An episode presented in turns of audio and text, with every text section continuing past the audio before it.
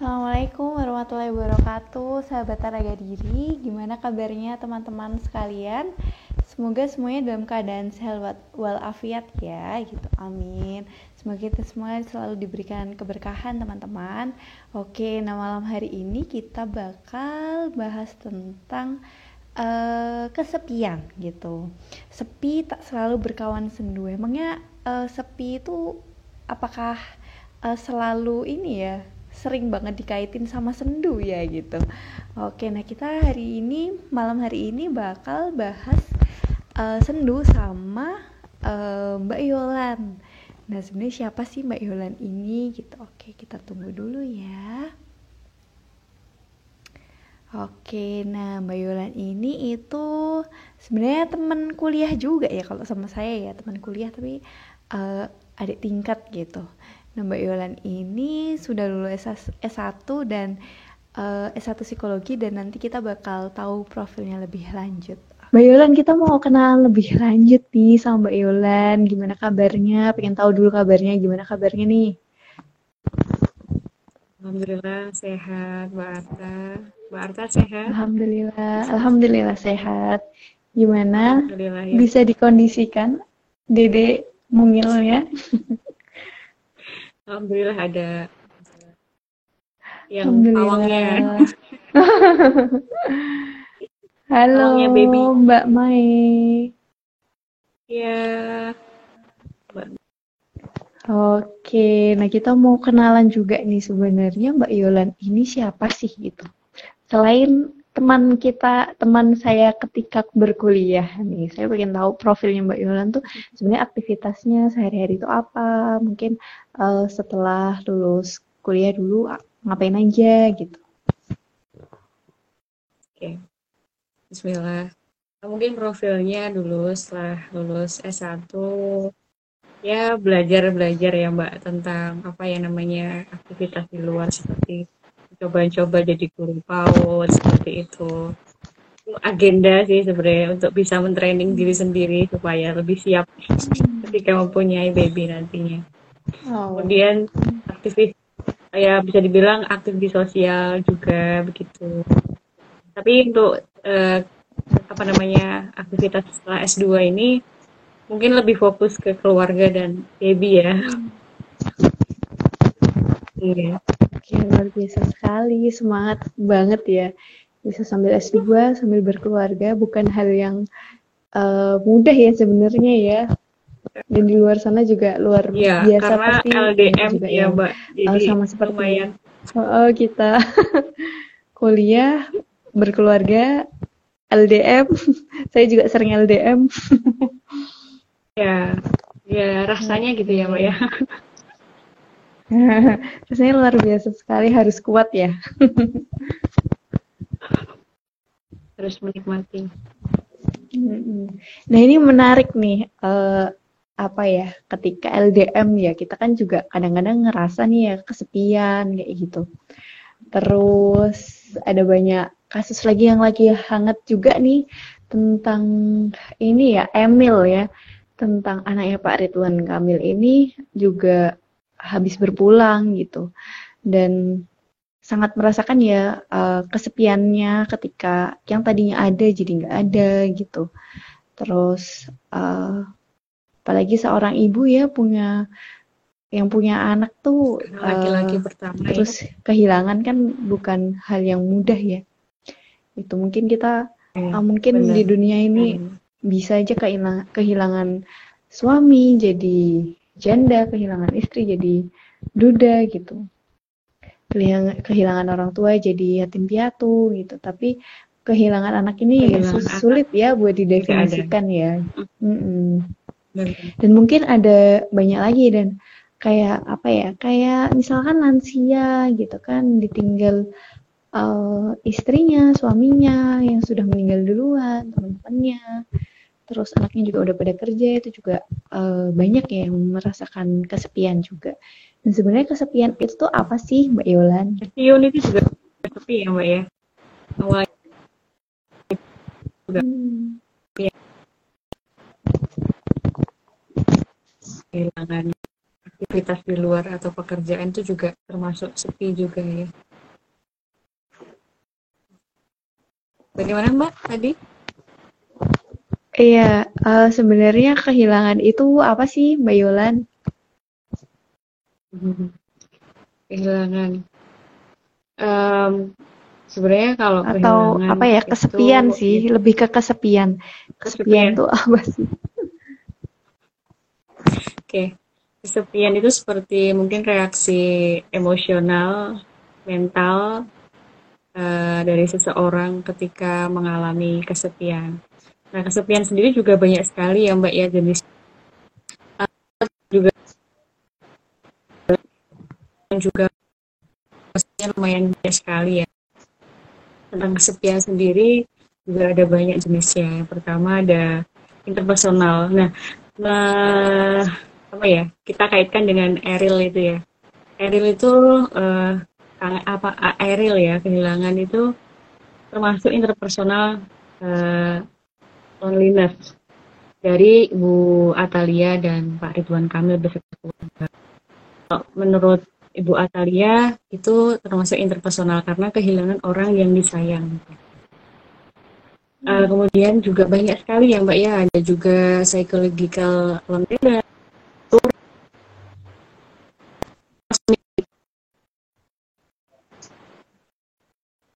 sendiri itu merasa merasa apa namanya terasingkan dari lingkungan kita seperti itu ya. Hmm. atau kehilangan uh, orang-orang yang kita sayangi. Kemudian kita menjadi minoritas di antara mayoritas. Ada juga dalam penelitian itu juga uh, banyak kasus remaja itu mengalami uh, kesepian. Hmm. kenapa? Karena mungkin dari perbedaan ras budaya, kemudian kadang diskriminatif itu juga termasuk bisa menjadi penyebab kesepian itu sendiri, Mbak. Kadang kan ada ah itu body shaming gitu ya, gendut itu gitu kan. Kemudian dia tidak mempunyai teman, rasa kesepian, kemudian dari ras mana atau dari suku mana gitu ya, dibedakan, kemudian menjadikan kesepian. Banyak sekali faktor yang menyebabkan kesepian itu sendiri. Ya. Suaranya putus-putus, Mbak. Mbak Mai. Makan nasinya iya. saya. Agak putus-putus sih Mbak Yolan, tapi masih bisa secara garis besar ditangkap Duh. sih ya. Jadi uh, kalau aku rangkum tadi ya penjelasannya Mbak Yolan ya, uh, berarti kesepian ya, kesepian ini dia ada unsur budayanya juga, ada faktor lingkungan sosial, ada iya. perasaan terisolasi juga mungkin gitu ya Mbak ya. Makanya dia akhirnya merasa sebuah perasaan yang kesepian gitu. Hmm, begitu? Hmm. Ya. Oke, okay. sebenarnya uh, orang yang ngalamin kesepian itu atau loneliness itu tuh punya lingkup individu yang memiliki kecenderungan seperti apa sih? Kecenderungan uh, untuk individu yang mengalami loneliness itu? Mungkin kadang dia mengasingkan dirinya sendiri dari lingkungannya. Kemudian uh, kecenderungan-kecenderungan juga dia merasa sedih merasa minder kadang overthinking juga kepada masyarakat atau lingkungannya sendiri. Ah nanti saya tidak diterima atau nanti apa namanya overthinking gitu loh ya. Jadi dia merasa bahwa dia tidak tidak tidak masuk dalam grup tersebut gitu. Terus apa ya kehilangan minat mungkin bisa jadi jadi itu penyebab jadi loneliness ya. Apa ada suara baby. Nggak apa-apa diajak juga nggak apa-apa.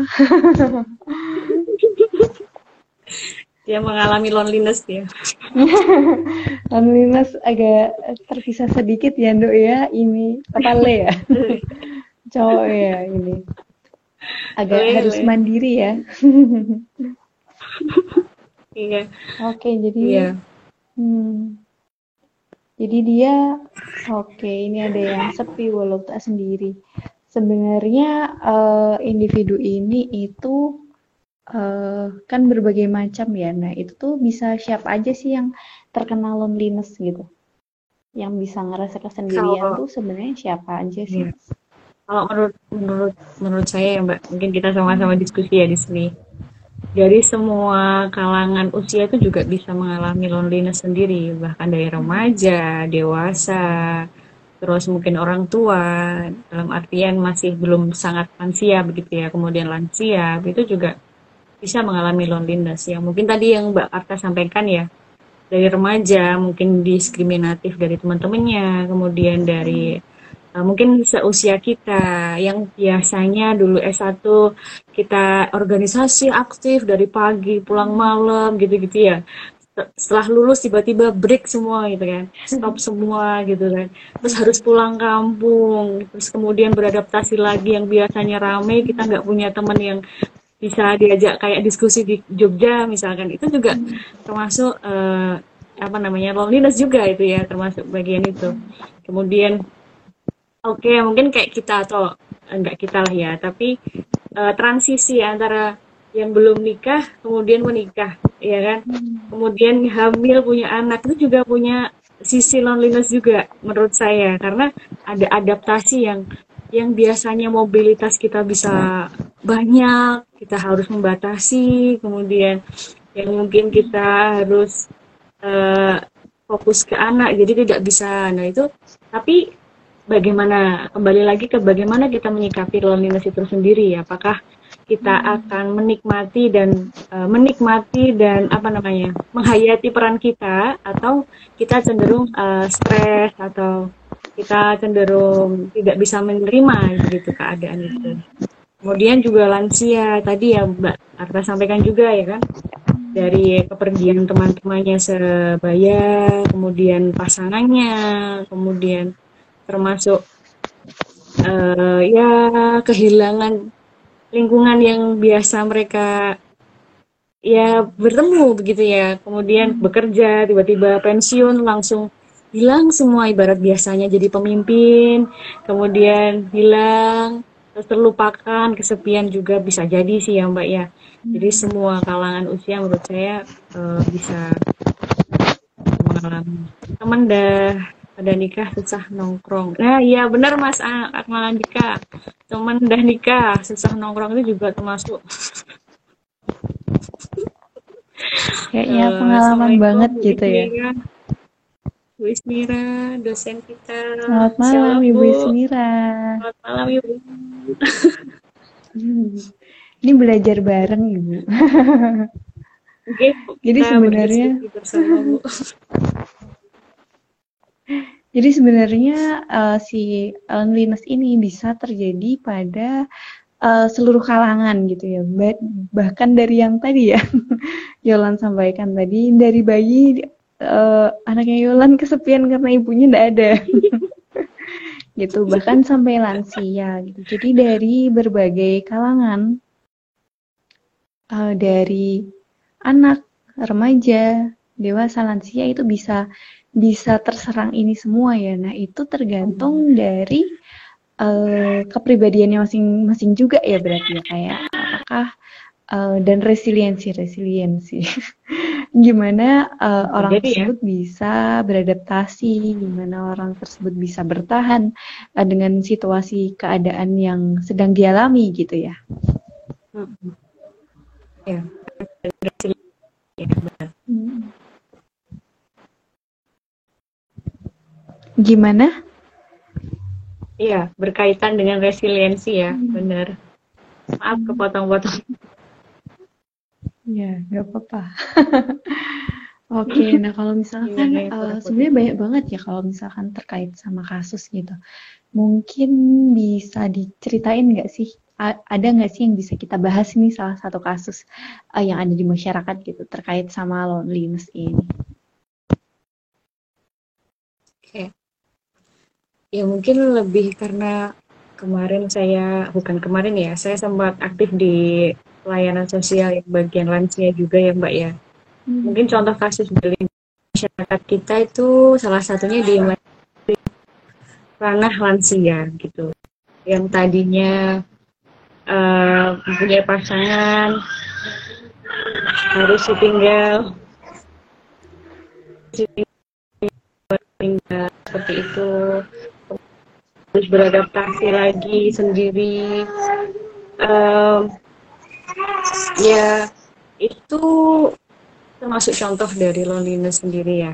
Kalau misalkan dia atau beli atau lansia itu tidak bisa ya melakukan hobi-hobi baru, hobi-hobi yang biasa dia lakukan, misalkan membaca buku, yang mungkin suka tanaman, menanam bunga, seperti itu. Menyibukkan dia hal seperti itu juga menimbulkan ya banyak macam ya mbak ya, mungkin stres dan sebagainya. Mungkin pernah ada apa ya, misalkan ditinggal pasangannya atau perempuan yang meninggal duluan itu akan lebih cepat. Ya apakah itu termasuk dari dampak loneliness itu sendiri? Bahwa laki-laki tidak bisa terlalu lama gitu ya tanpa pasangannya. Wah ke mana-mana ya bahasanya ya tapi menarik nih soalnya kan uh, kebetulan aku jarang banget ya berinteraksi sama lansia gitu. Uh, adapun keluarga lansia itu pun jauh gitu. Dan nggak kayak uh, kayak nih kan udah pernah bekerja di situ gitu yang hubungannya sama uh, saudara-saudara kita yang lansia gitu. Nah, dan itu menarik banget ya sama uh, lansia-lansia ini sebenarnya tuh seperti apa sih uh, dinamika mereka sampai uh, terlihat begitu. Terlihat mereka itu akhirnya ada perasaan kesepian begitu. Ada perasaan apa, Mbak? Kesepian. Uh -uh. Oh iya iya iya. iya. Ya, ini Mbak Ira menambahkan kan tergantung support sistemnya juga kali ya. Iya, benar. Kalau support sistemnya bagus juga bisa menjalaninya dengan baik ya Mbak Ira ya. Nah, kalau sedikit pengalaman saya di lansia itu Mbak, ya kalau misalkan kita bisa mengatakan kesepiannya di mana gitu ya. Nah, programnya itu kan seperti mengumpulkan uh, banyak lansia. Kami menyebutnya warga senior kan, lebih merasa hmm. diseniorkan begitu, bukan lansia kan kelihatan sepuh gitu kalau lansia. Hmm. Nah, ketika kita berkumpul atau mengumpulkan beliau-beliau kemudian dalam satu acara, misalkan pengajian kah atau uh, tes tes tensi, kemudian ada senam gitu ya. Nah, kita kita sampaikan atau kita tanyakan gimana perasaannya setelah mengikuti seperti ini. Dia menyatakan bahwa uh, senang mbak karena apa kita bisa ketemu sama temen gitu sama pak pak itu ibu itu mbak itu dan sebagainya itu membuat kita seperti semangat kembali gitu walaupun hanya duduk berdampingan mendengarkan kajian atau menanam uh, sayuran bersama kita ada program seperti itu itu seperti merefresh kembali gitu merefresh kembali daripada kesepian itu. Saya pernah menanyakan itu juga, alhamdulillah sempat menanyakan itu. Gimana perasaannya? Yang saya merasa nggak sepi lagi mbak, gitu. Karena anak semua sudah merantau, sudah menikah. Ketika bertemu dengan sesama seusia itu mengobati kesepian saya, gitu. Seperti itu mbak. Menarik ya, agak agak sedih-sedih gimana gitu ya? Iya, sedih kak Hmm. Nah ini sebenarnya kalau misalkan kita tarik ke uh, anak-anak yang katanya sih quarter life crisis itu juga salah satunya juga ditemukan ya udah mulai harus mandiri terus harus bekerja. Jadi teman-teman yang kayak uh, Mbak Yolan tadi bilang apa ya temennya yang biasanya diajak diskusi temen sohib konco kentalnya udah nggak ada kayak gitu. Saudara-saudaranya nggak ada. Nah itu juga uh, bikin kesepian juga muncul kayak gitu ya nggak sih mbak kan mulai ada fenomena-fenomena kayak gitu yang sebenarnya semakin ya. terangkat gitu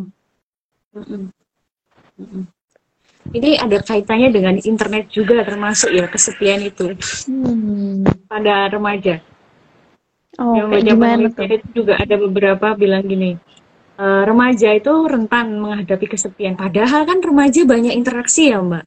Tapi kenapa gitu di generasi uh, generasi Z ya atau generasi ini yang baru-baru ini gitu ya 2000-an begitu itu rentan sekali kesepian.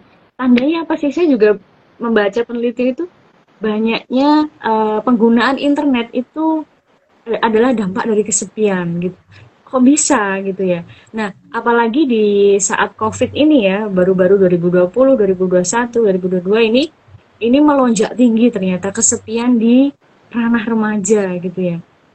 Um, kenapa gitu ya? Karena mungkin terbatasi uh, dalam biasanya bertemu dengan teman kemudian tidak sama sekali. Kemudian mereka melampiaskan atau mengekspresikannya di uh, media sosial atau inter melalui internet itu sendiri gitu ya. Mungkin meluapkan perasaan itu sudah biasa ya sekarang di media sosial ya. Karena mungkin mau ke mana lagi gitu ya mungkin ya kayak gitu ya. Mungkin ada curhat-curhat juga di media sosial gitu. Karena mungkin dia merasa saya nggak punya tempat nih gitu. Dan saya yang penting saya mengekspresikan dengan bebas tidak ada batasan-batasan. Yang penting saya menyampaikan gitu. Ternyata ada penelitian seperti itu. Pada remaja tuh banyak sekali yang mengalami uh, kesepian sendiri gitu. Ya ya juga sih ya saya juga berpikir juga merefleksikan diri iya juga ya gitu. Memang itu juga bisa jadi alih peralihan gitu ya Indonesia Sebenarnya memang menarik sih di tahun-tahun COVID ini ya sebenarnya bahasanya tahun-tahun COVID gitu. Uh, antara 2020 sampai sekarang udah mulai agak mendingan gitu ya. Itu memang kesepiannya bisa jadi karena memang semuanya pada saat itu berkumpul semua yang di rumah gitu. Tapi kondisinya tidak seperti senyatanya gitu. Kenapa kok kesepian juga hubungan hmm. di antara anggota keluarganya mungkin ada yang nggak baik gitu. Jadi akhirnya hmm. uh, sebenarnya aku nih butuhnya temen yang merasakan kehangatan gitu, tapi tidak didapatkan itu. Mungkin kerasa rame, mungkin rumah ya.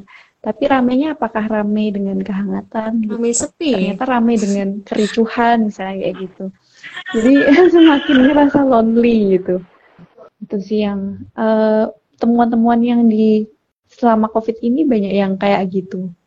Menarik sih kayak gitu buat diteliti ya. Teman-teman yang bener. merasa ingin meneliti. Bagus banget itu ada lagu kan di dalam keramaian ku merasa sepi gitu ya. Tapi bener ya belum tentu ramai itu kita tidak libur. Kadang kita ramai misalkan duduk di Malioboro tapi pikirannya sepi ya tetap aja sepi. Nggak menghibur juga kan ya tergantung itu juga.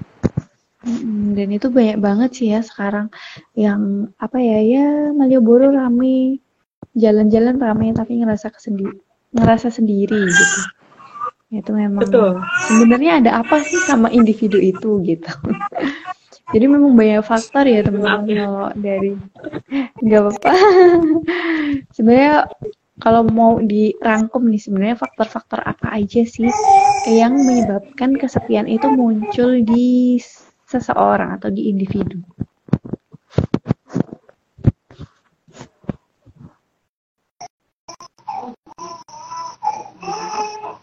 Halo? Berapa faktor? Halo. Oke, kalau boleh dirangkum nih Mbak Yolan, sebenarnya uh, apa aja sih faktor-faktor ya, yang mempengaruhi orang itu uh, akhirnya merasa kesepian gitu. Muncul adanya loneliness. Maaf, Mbak. Kepotong tadi itu agak uh, kepotong suaranya. Oke. Okay. Mungkin agak pelan-pelan ya. Jadi boleh nggak sih disimpulkan Mbak Yolan faktor apa aja yang uh, bisa menyebabkan individu itu merasa kesepian? Faktor yang menyebabkan individu merasa kesepian. uh, faktor individu yang merasakan kesepian ya banyak sekali ya mbak ya mungkin kita bisa sampaikan juga. Mungkin uh, kesepian itu dari sisi apa dulu gitu ya? Apakah pasangan apakah uh, lingkungan kerja kita uh, ataukah misalkan tentang ya apa namanya oke okay. maaf ya faktor-faktornya banyak sekali ya mbak ya tapi dalam faktor tersebut mungkin kita bisa nyampein sedikit bahwa ya kesepian itu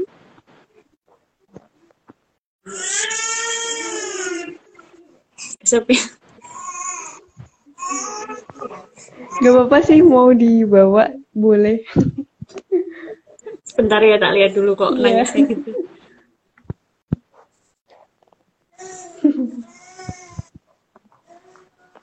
Jadi ini juga sebuah fenomena yang menarik teman-teman. Ambayolan ini sedang berjuang untuk uh, mengasuh anaknya ibu baru. gitu. Dan itu sebenarnya tidak mudah ya. Mungkin yang punya ibu dua anak, tiga anak dan berikutnya juga tidak mudah dan ini baru challenge pertama kali ya buat saya dan Mbak Yolan gitu.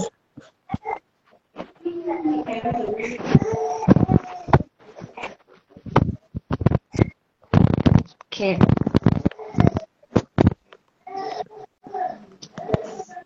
Saya tidak bisa dikondisikan. Kalau misalkan teman-teman ada yang dan butuh saya, jadi nggak bisa. Tuh, tentang kesepian boleh banget tanya teman-teman di kolom komentar.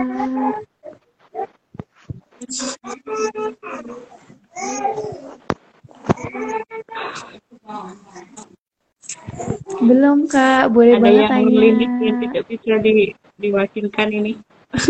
iya.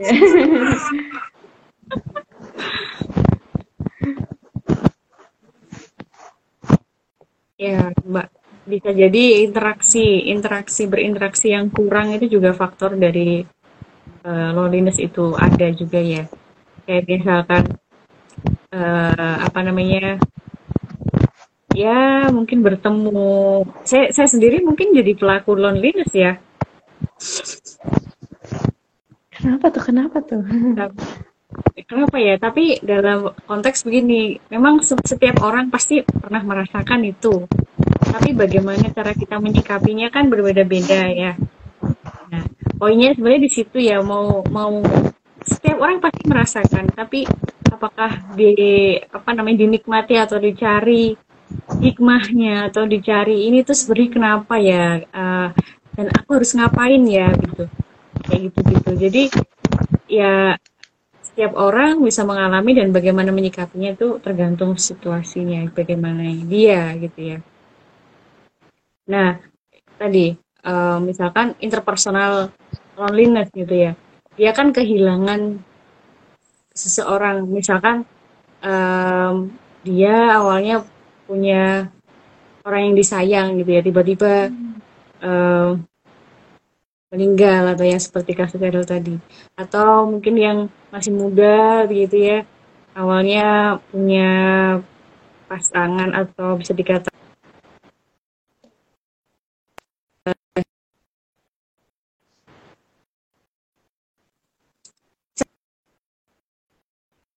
itu kan dari hubungan. Adalah interaksi. Halo? Kok macet ya? Halo, ya.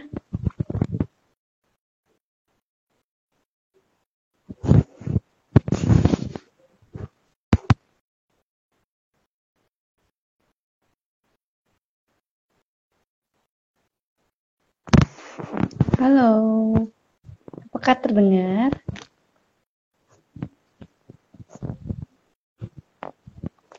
Oke, sepertinya agak terus terjeda ya teman-teman. Kita coba hubungkan kembali. Jadi tadi yang sudah disampaikan Mbak Yolan tuh ada beberapa faktor yang sudah disampaikan. Uh, ada kita harus harus bisa memaknai sebuah kondisi itu seperti apa gitu. Kemudian bagaimana cara kita menyikapinya dan uh, faktor lain juga terkait dengan interpersonal dan intrapersonalnya itu seperti apa. Nah, itu yang uh, bisa membuat kita itu struggle gitu ketika uh, sebuah kesepian itu hadir. Gitu. Nah, atau uh, ketika tidak terkondisikan bisa memunculkan sebuah kesepian itu tadi. Jadi, gimana cara memaknai sebuah uh, kondisi gitu, bagaimana cara menyikapinya kayak gitu, interpersonal dan intrapersonalnya seperti apa. Akhirnya dia jadi memiliki perasaan kesepian itu tadi gitu. Dan banyak kasus ya tadi yang sudah disampaikan. Ada dari anak-anak gitu mungkin uh, apa ya banyak kasus sekarang yang anak ditinggal orang tuanya gitu. Apalagi selama pandemi ini kok uh, bukan merasa uh, apa ya bisa bisa saling sapa bisa saling erat gitu. Tapi justru malah merasa kesepian kemudian uh, itu selama covid tuh seperti itu. Kemudian ada lagi remaja remaja temen-temennya sebenarnya banyak tapi kok sekarang merasa kesepian ya gitu. Bahkan uh, di situasi yang ramai gitu situasi yang ramai kayak pergi ke Malioboro misalkan gitu. Itu kan ramai ya sebuah wisata uh, yang jarang sekali sepi gitu. Tapi hmm, di situ merasa kesepian. Kadang di antara keluarganya misalkan pas lebaran gitu. Terus kok ngerasa sepi gitu. Nah ada lagi juga di uh, situasi lain kayak di lansia.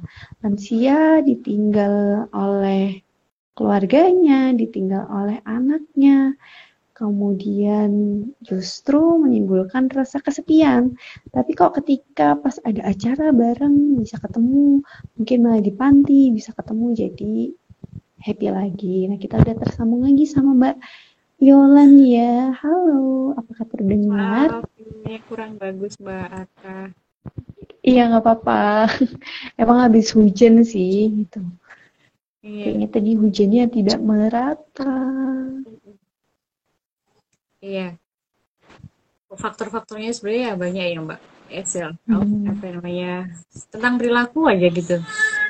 Ketika perilaku kita eh, mungkin dirasa tidak bisa diterima dalam suatu kelompok atau masyarakat, mungkin kita juga bisa jadi faktor kesepian juga ya. Misalkan um, dikit-dikit marah, dikit-dikit apa namanya menyalahkan seorang ini. Siapa sih yang mau yang mau mendekat dengan kita? Pasti akan takut duluan ya. Mungkin itu juga menjadi faktor ya Mbak ya dari kesepian sendiri.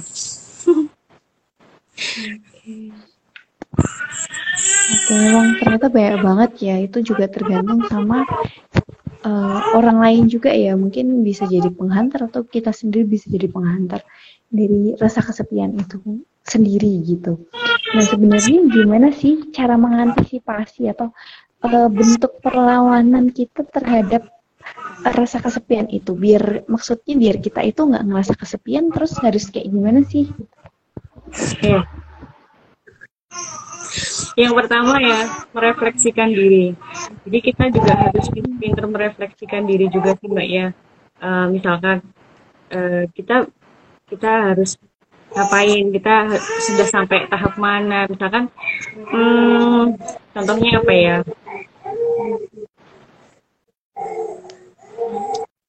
Ya contohnya saya bisa nggak ngasih contoh diri saya mbak? Boleh. Contohnya saya gitu ya. Saya juga mengalami loneliness sendiri gitu ya.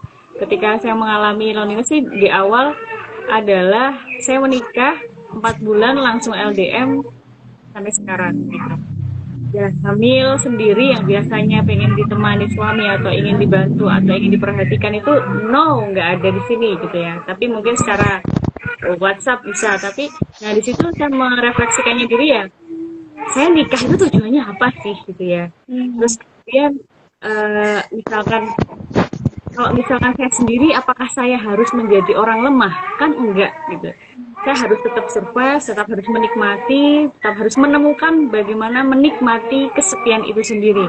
Kayak gitu ya.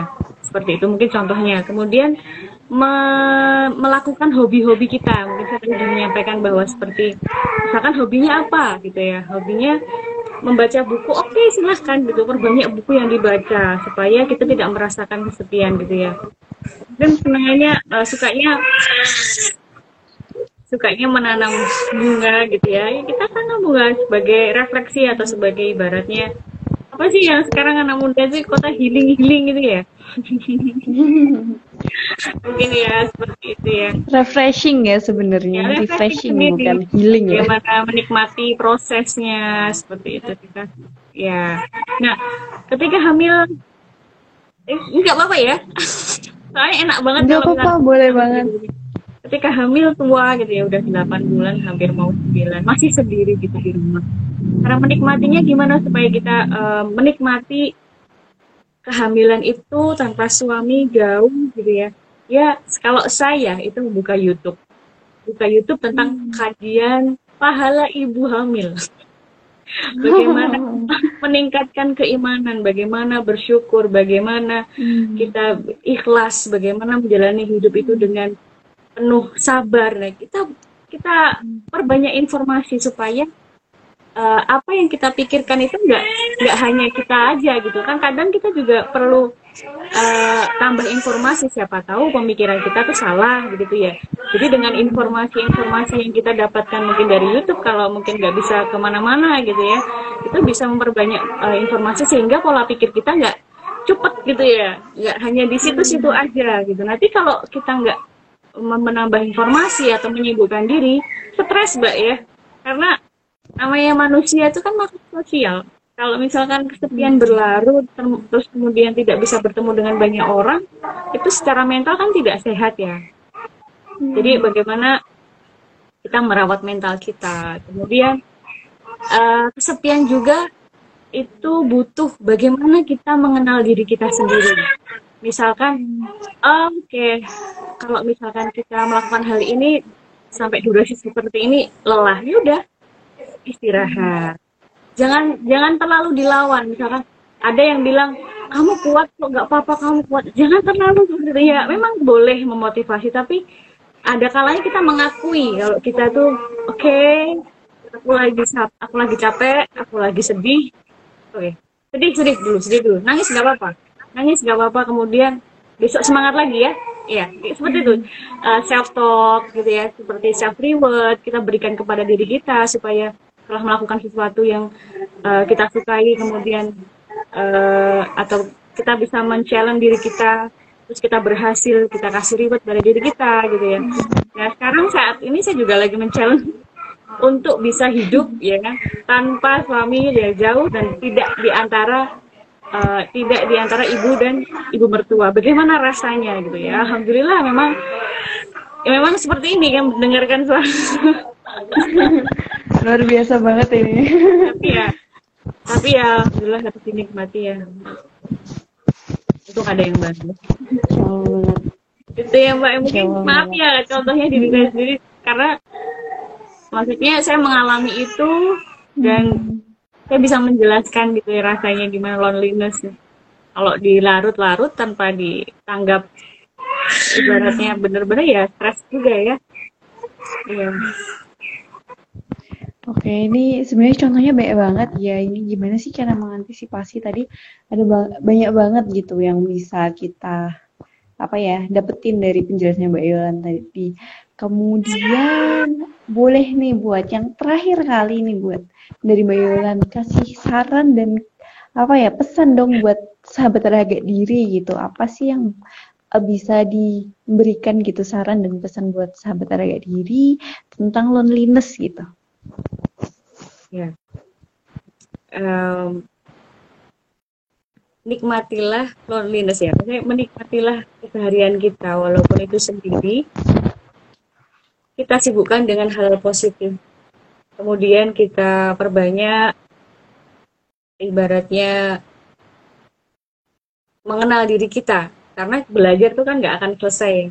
Kita perbanyak mengenal diri kita dan belajar dan belajar supaya pikiran kita tidak merusak perilaku kita gitu ya. Kekuatan pikiran itu ternyata sangat penting sekali ya mbak ya terhadap perilaku kita sendiri dalam menyikapi sesuatu hal ya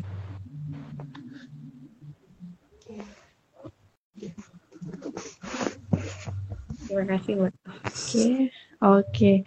thank you mbak Yola terima kasih yeah. banyak jadi Terima kasih Mbak Ar. Perlu dinotis ya sahabat-sahabat semua, jangan lupa buat lebih kenal sama diri sendiri biar kita tuh bisa menanggapi apa sih kita tuh kayak gimana sih terus apakah perlu buat ngerasa kesepian atau enggak gitu iya nggak sih mbak iya jadi kita kayak mendeteksi kita tuh lagi apa lagi sedih atau enggak ibarat dokter itu lagi sakit enggak ya gitu ya hmm. butuh obat enggak ya sakit obatnya beneran apa, apa ya pura-pura ya iya gitu oke okay. Oke, terima kasih banyak Mbak Yolan atas ketersedia kesediaannya. Kesediaannya sudah mau bersedia hadir di Teraga Diri. Semoga ini semua ilmunya bisa bermanfaat buat kita semua, buat seluruh rakyat Indonesia. Untuk tetap health mental ya teman-teman. Oke, gitu dulu Mbak Yolan. Terima kasih iya. banyak. Sehat-sehat selalu Mbak Yolan dan keluarga. Juga Mbak Atta, mohon maaf banyak kurangnya. Makasih. Makasih teman-teman, cara nggak diri. Iya.